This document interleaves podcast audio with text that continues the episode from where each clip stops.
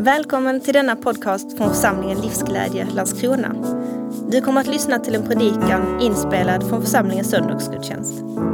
Vi uppmuntrar dig att efter predikan stanna upp en stund för att fundera närmare på hur din vardag kan formas av Gud. Du kan få hjälp av frågor till eftertanke som du hittar på församlingens hemsida under fliken predikan. Så välkommen att ta del av vår gudstjänst.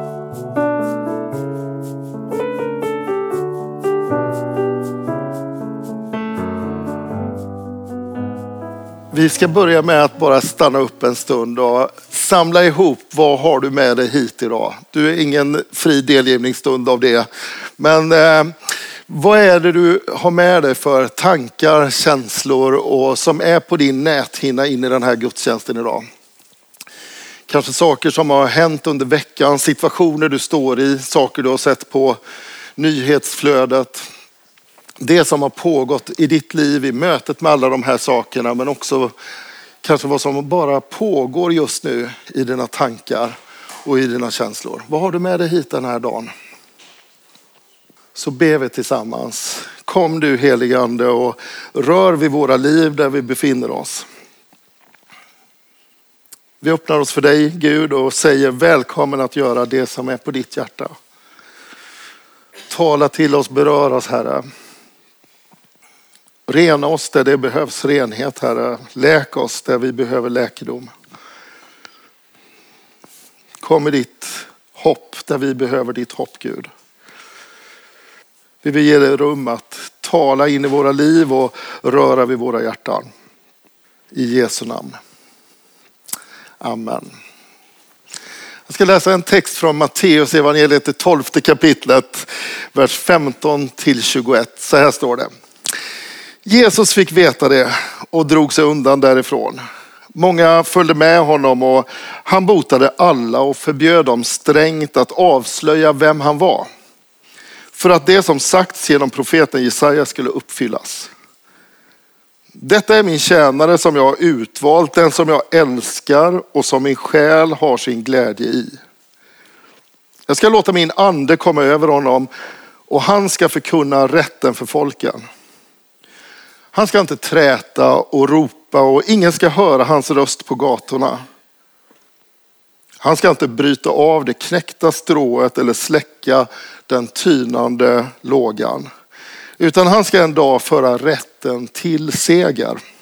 Och hans namn ska ge folken hopp.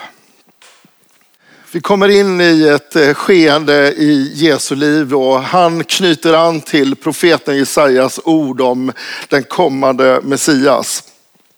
Och förbjuder de människorna som är i hans gäng, de som han eh, har mött med liv och som följer honom och som har berörts av hans liv och deltar i kretsen, den närmaste kretsen kring honom. Han förbjuder dem att avslöja vem han är och ropa ut det till var och varannan. Och på det sättet så agerar ju Jesus tvärt alla, alla liksom marknadsföringsstrategier som man kan tänka sig. Han säger någonting annat om vad Gud vill och hur Gud vill göra saker och ting på. Och det som är den närmaste situationen det är att hans motståndare, är i full färd med att bygga sitt case mot honom. Att han bryter mot de religiösa reglerna och har lämnat det som är rimligt utifrån vad gamla testamentet lär om hur en troende ska leva sitt liv. Och Jesus han, han förändrar sin, sin, eller han försöker förändra de som möter honom med den kritiken. Förändra deras blick och vad de tittar efter.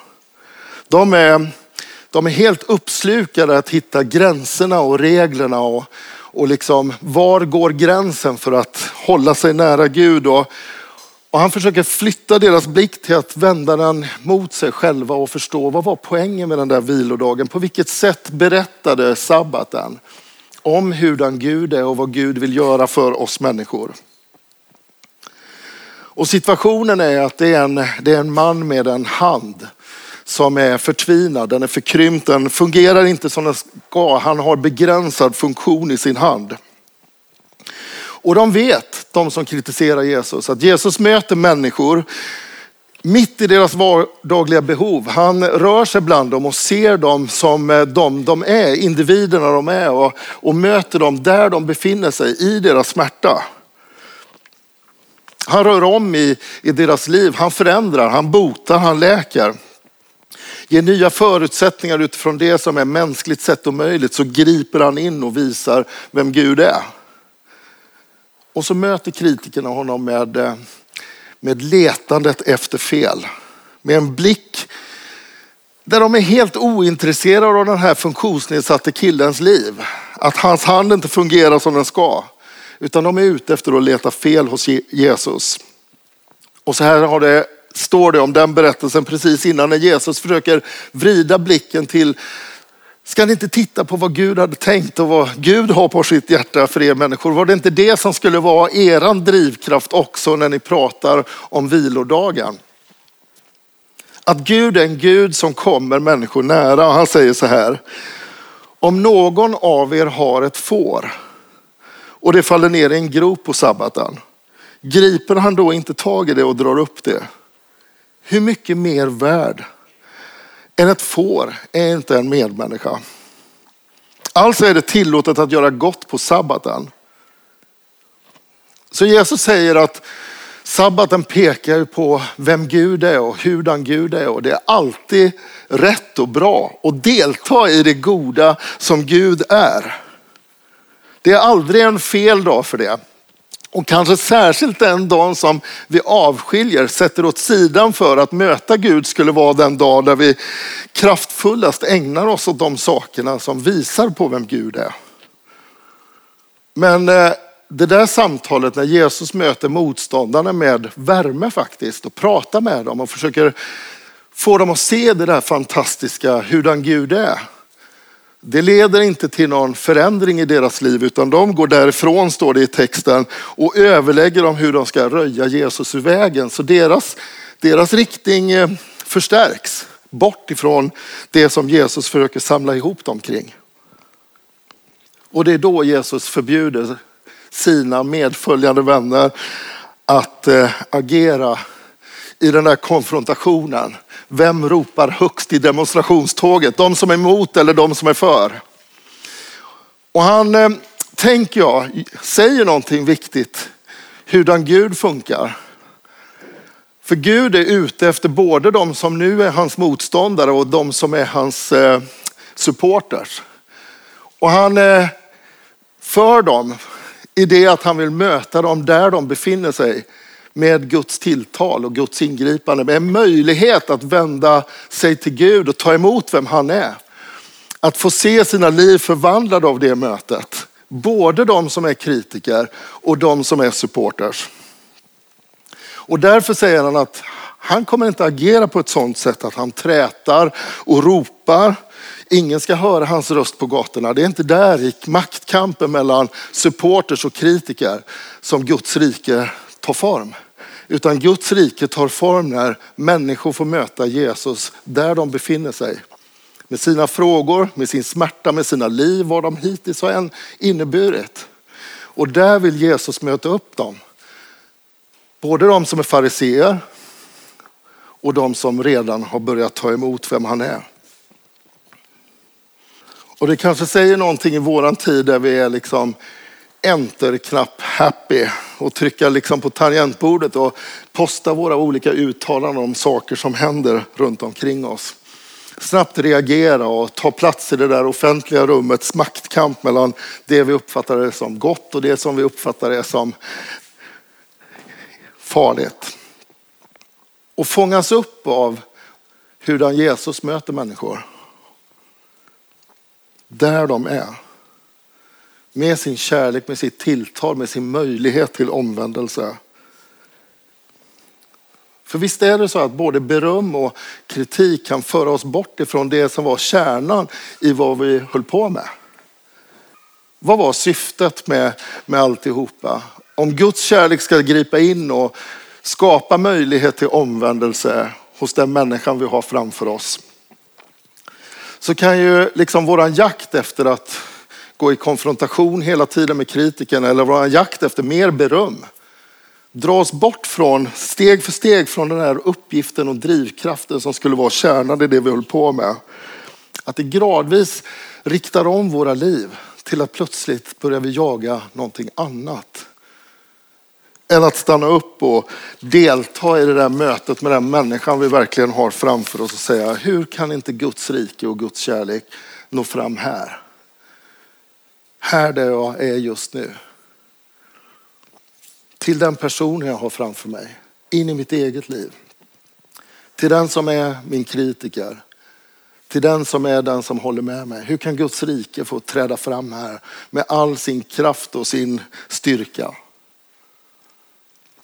Och Jesus kommer med ett uppdrag. Han kommer med uppdraget att förkunna rätten för folken.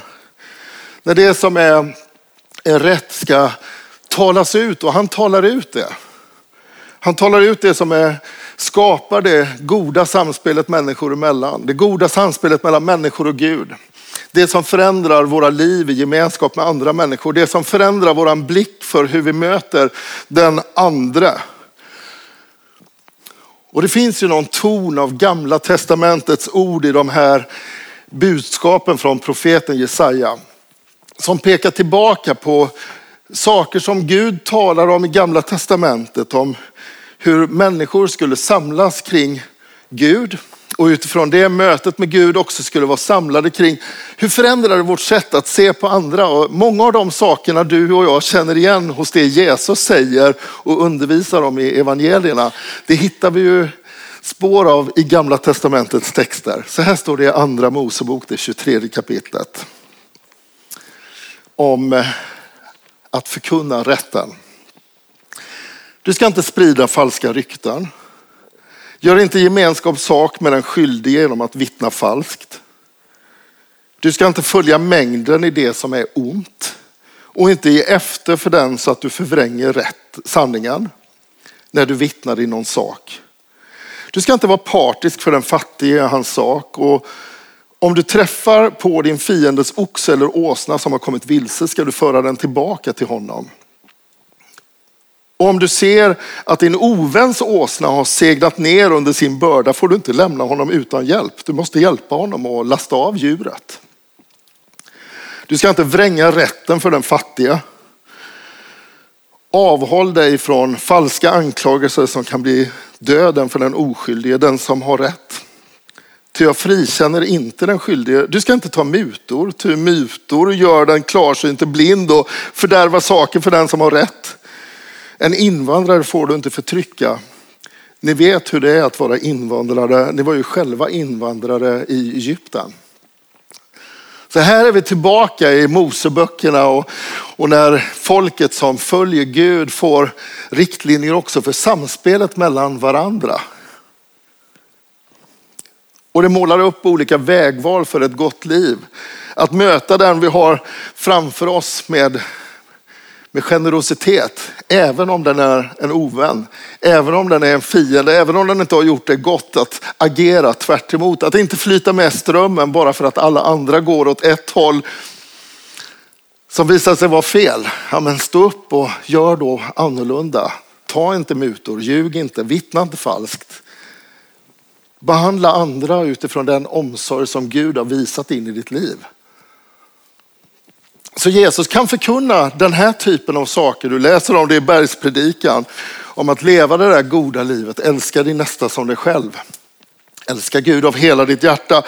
Det som sätter oss i relation med Gud förändrar vårt sätt att agera mot andra. Utöva inte hämnd mot den som har, har varit elak mot dig. Grip in på ett annat sätt. Generositet. Men Jesus stannar inte bara vid att tala om den typen av saker. Han, han pratar om att den där rätten, den kommer föras fram till fullbordan. Han ska inte bryta av det knäckta strået eller släcka den tynade lågan, utan han ska en dag föra rätten till seger och hans namn ska ge folken hopp. En dag så kommer det Jesus gör i människors liv. Det vi läser om i evangelierna och det du kan läsa om i ditt eget liv eller i dina vänners liv.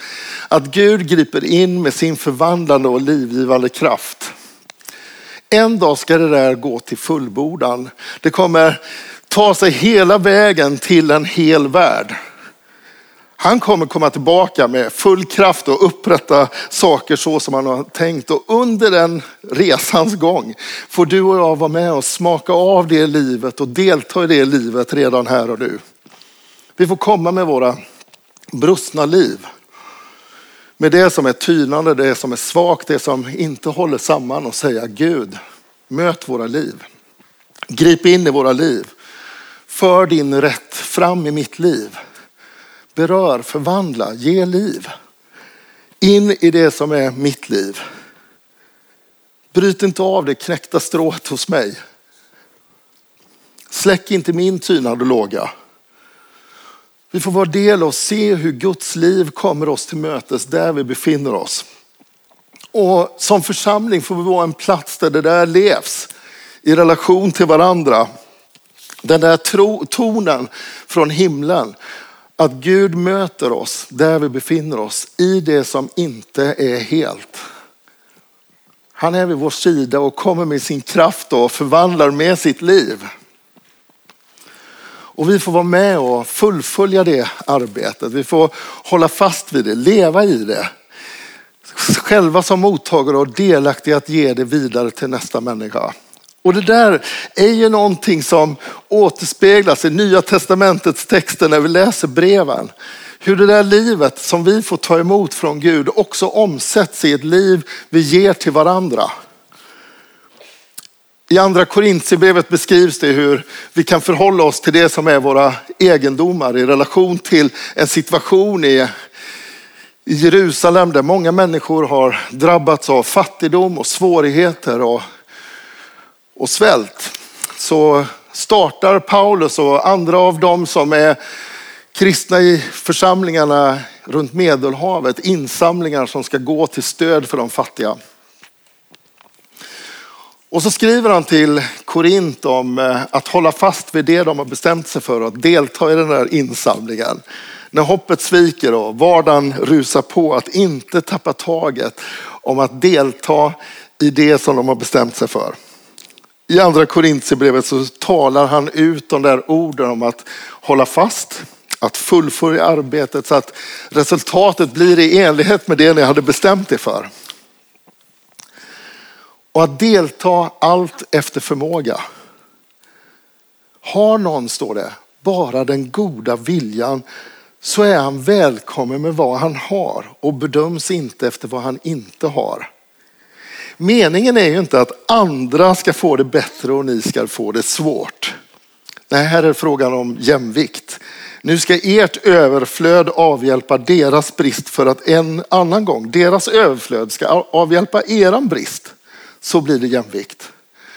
Så Paulus sätter in liksom de första troende i att delta med glädje, med värme i att ge det där livet som har förvandlat deras liv vidare till nästa människa. Att se det som är resurserna av liv, gåvor, förmågor, ekonomi som resurser att delta i med efter förmåga i relation till vad Gud har på sitt hjärta. Vår goda vilja utifrån våra möjligheter. Att bedömas utifrån vad vi har och inte utifrån vad vi inte har. Att vara en person som ger efter sitt eget beslut i sitt eget hjärta. Inte med olust eller av tvång. Som det står lite längre fram i andra Korintierbrevet. Och där tänker jag att vi som församling får leva våra liv dagar som de här. Ta emot från Gud allt det goda som han vill beröra ditt liv med. Och utifrån det du har fått av liv, av möjligheter, av kraft och förmåga delta med det in i andra människors liv. Jag tänker varje dag vi har, de dagar vi har av liv, får vi delta med våra möjligheter. Han ska inte bryta av det knäckta strået eller släcka den tynande lågan. Inte i ditt liv. Och genom ditt liv får vi delta allihopa, genom våra liv får vi delta i att ge det där livet vidare till nästa människa. Och det tänker jag är en av de starka sidorna i den här texten som vi har läst den här morgonen från Matteus evangeliet i tolfte kapitlet. Att det sätt som Jesus proklamerar ut över sitt eget liv, som Jesaja profetian i gamla testamentet talade om. Att Jesus var en tjänare som var utvald. Som skulle föra fram rätten till seger vars namn skulle ge hopp åt folken. Han bjuder in oss att delta med det som är våra liv utifrån samma kraft från Gud. Det hänger inte på dig och mig och vår förmåga att hitta styrka i våra egna liv, utan Jesus han möter oss med samma kallelse som han själv var bärare av. Han kallar oss inte längre tjänare, står det i Johannes evangeliet, det 15 kapitlet. Han kallar oss vänner för att vi ska delta i att bära frukt, en frukt från Gud ut i den här världen vi är en del av. In i den hopplöshet vi ser runt omkring oss, de svårigheter vi ser kanske tätt in på våra liv. Så är vi Guds vänner som är sända med att ge livet från honom vidare till nästa människa. Och Jesus andas sitt liv på dig och mig. Precis som han gjorde i Johannes evangeliet i 20 kapitlet över de första lärjungarna. när han andades på dem och sa frid åt er alla. Som Fadern har sänt mig sänder jag er. Han andades på dem och sa ta emot helig ande. Och det är vad du och jag får göra en dag som denna. Och inte bara den här dagen utan imorgon. När du och jag står i andra situationer av svårigheter så får vi knyta oss till Jesus och säga andas ditt liv på mig, andas din frid på mig. Blås din ande in i mitt liv. Han sänder dig inte med din egen kraft och inte med dina egna resurser utan med sig själv som sin vän. Och då får du och jag delta efter förmåga efter de möjligheterna som Gud ger oss varje dag. Nu ska vi be tillsammans. Jesus, vi tackar dig för att du inte bryter av våra liv eller släcker våra liv utifrån det som är svårt hos oss. Du känner oss helt och fullt, Herre. Du vet vad som brister just nu och vad som är våran punkter av smärta, av oro och brustenhet, av synd. Och vi tackar dig för att dina löften är att du en dag ska föra rätten till seger, att du ska ge våra liv hopp, Herre. Och därför ber vi att du kommer in i de här olika situationerna där vi upplever brist och svårighet och oro. Och vi ber Jesus att du kommer med ditt livgivande, med ditt hopp som förvandlar. Kom heligande. Kom heligande och läk det som är trasigt i våra liv. Dra oss in till ditt hjärta. Låt oss få, när vi vänder blicken till dig och vänder våra liv till dig, låt oss få ta emot ditt liv den här stunden. Och så ber vi här att du öppnar våran blick så att vi ser vad du vill ge kraft till. Hur du sänder oss att ta emot från dig allt det vi behöver för att i vår tur ge vidare det liv från dig som du var sänd med Jesus och som du sänder oss med. Vi ber att du öppnar våra ögon där vi hamnar i situationer där vi ser det som är Eh, eh, knäckt, det som är på väg att släckas ut, det som tynar, Herre. Där smärta finns som du vill läka ut. Öppna våran blick och ge oss modet att gå in i de där situationerna, inte utifrån vår egen kraft, vår egen styrka, utan utifrån att du ger oss den heliga Ande. Och vi ber Jesus att den här morgonen att vi ska höra din röst. Öppna våra liv och ögon för det som är möjligt en dag som den här att göra skillnad i. Kom heligande vi ber.